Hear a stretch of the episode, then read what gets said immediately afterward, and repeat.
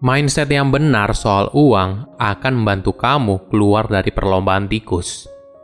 Halo semuanya, nama saya Michael. Selamat datang di channel saya, Sikutu Buku. Kali ini saya akan bahas buku Cash Flow Quadrant karya Robert T. Kiyosaki.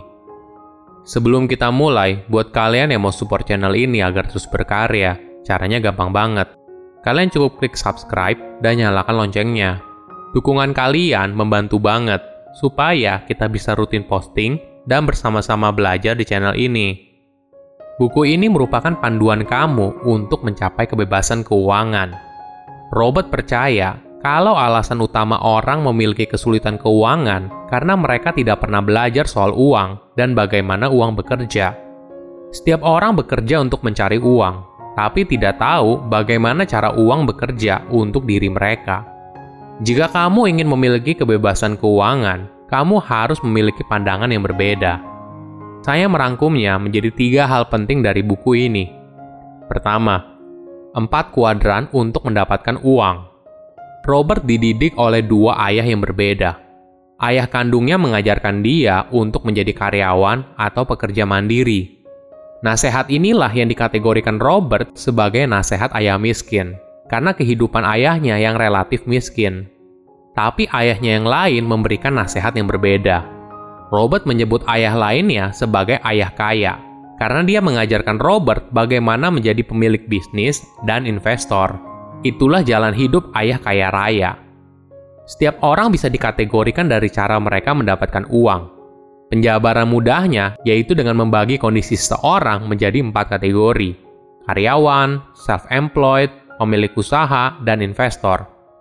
Pertama, kuadran karyawan adalah tipe orang yang lebih mementingkan keamanan keuangan dan tidak berani mengambil resiko. Mereka tidak suka dengan hal yang tidak pasti, apalagi soal ekonomi. Gaji bulanan tiap bulan merupakan pilihan yang ideal. Secara pribadi, mereka lebih memilih bekerja pada sistem orang lain untuk mendapatkan uang. Mayoritas dari karyawan fokus pada pendapatan, berapa besar gaji yang bisa saya dapatkan tahun depan, tiga tahun lagi, lima tahun lagi. Tapi mereka tidak fokus membangun aset dan sistem yang bisa menghasilkan uang. Kedua, kuadran self-employed. Tipe orang ini ingin menjadi bos bagi diri mereka sendiri dan tidak ingin pendapatannya tergantung pada orang lain. Mereka akan mendapatkan uang lebih banyak ketika mereka bekerja lebih keras. Beda dengan karyawan, self-employed tidak terlalu peduli dengan keamanan keuangan rutin tiap bulan. Tapi mereka lebih peduli kalau mereka bisa mengontrol hidup mereka dan bebas bekerja kapan pun sesuai yang mereka inginkan. Mereka juga sangat menghargai kebebasan kerja dan keahlian. Ketiga, kuadran pemilik usaha. Beda dengan self-employed, mereka tidak ingin bekerja sendirian. Mereka memilih untuk membangun sistem, Contoh yang paling menarik adalah Henry Ford yang merupakan pendiri dari perusahaan mobil Ford. Henry banyak dikritik kalau dia tidak sepintar yang banyak orang pikirkan. Mendengar hal itu, dia lalu memanggil orang yang mengkritiknya dan meminta mereka untuk bertanya apa saja. Setelah pengkritiknya mengajukan banyak pertanyaan teknis, Henry lalu memanggil asistennya yang paling pintar untuk menjawab semua pertanyaan tersebut. Kemudian Henry menjelaskan, dalam membangun bisnis, dia merekrut orang yang lebih pintar dari dirinya untuk bekerja. Jadi, dia punya waktu untuk mengerjakan hal lain yang lebih penting, yaitu memikirkan masa depan Ford. Keempat, kuadran investor. Kuadran ini disebut oleh Robert sebagai tempat bermain orang kaya. Ini adalah kuadran di mana kamu menggunakan uang untuk menghasilkan uang. Itulah cara orang di kuadran ini membangun kekayaan mereka. Kedua, kuadran untuk keluar dari perlombaan tikus.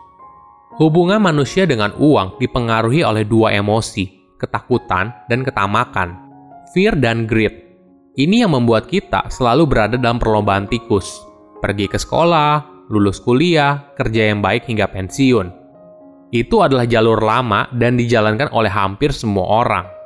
Tapi Robert mengajarkan bagaimana kita bisa keluar dari perlombaan tikus dan bisa bebas secara finansial. Jalur yang ideal untuk mencapai kebebasan keuangan yaitu mulai berpikir untuk pindah dari kuadran karyawan atau self-employed ke dalam kuadran pemilik usaha. Nah, kemudian baru berpindah lagi ke kuadran investor. Untuk menjadi investor yang sukses, kamu harus punya literasi keuangan yang bagus dan modal yang cukup. Semua ini didapat ketika kamu punya pengalaman dan dana sebagai pemilik usaha. Karyawan dan self-employed bekerja untuk uang. Artinya, apabila mereka tidak bekerja, maka mereka tidak menghasilkan uang.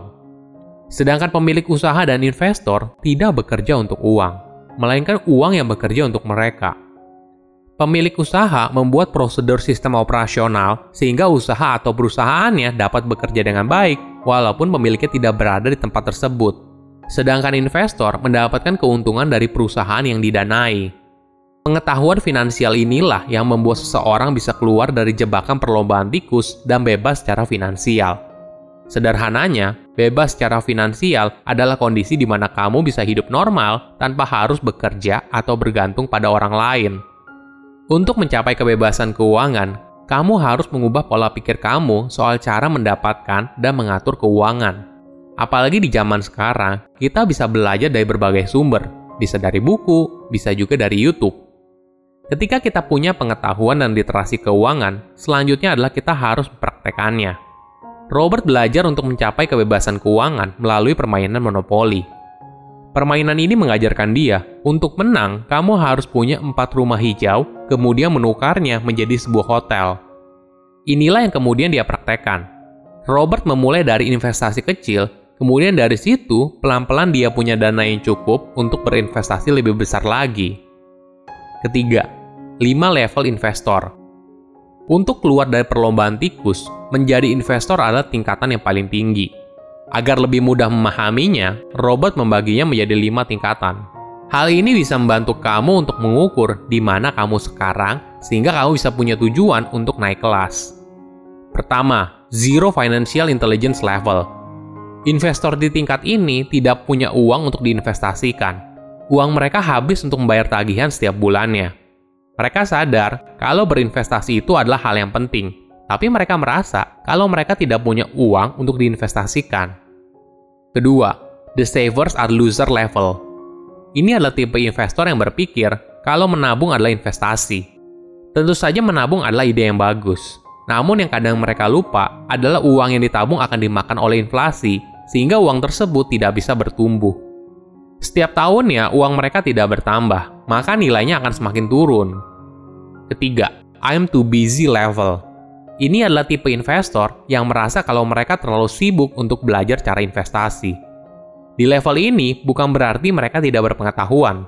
Banyak orang di level ini merupakan profesional yang memiliki tingkat edukasi yang baik, tapi mereka tidak memiliki semangat atau dorongan untuk belajar caranya berinvestasi. Uang mereka banyak di tabungan pensiun dan reksadana. Mereka pikir kalau investasi harus dikelola oleh tim profesional, Keempat, I'm a professional level. Ini adalah tipe investor yang paham caranya berinvestasi. Mereka adalah tipe orang yang menginvestasikan sendiri uangnya tanpa menggunakan jasa profesional. Pengalaman yang mereka dapatkan berasal dari investasi dan bisnis bertahun-tahun. Walaupun begitu, tipe investor ini tidak memiliki sistem dan sebuah tim. Mereka bekerja sendiri. Kelima, the capitalist level. Ini adalah tingkat di mana orang terkaya di dunia berada. Mereka punya sistem dan tim untuk menentukan sebuah investasi.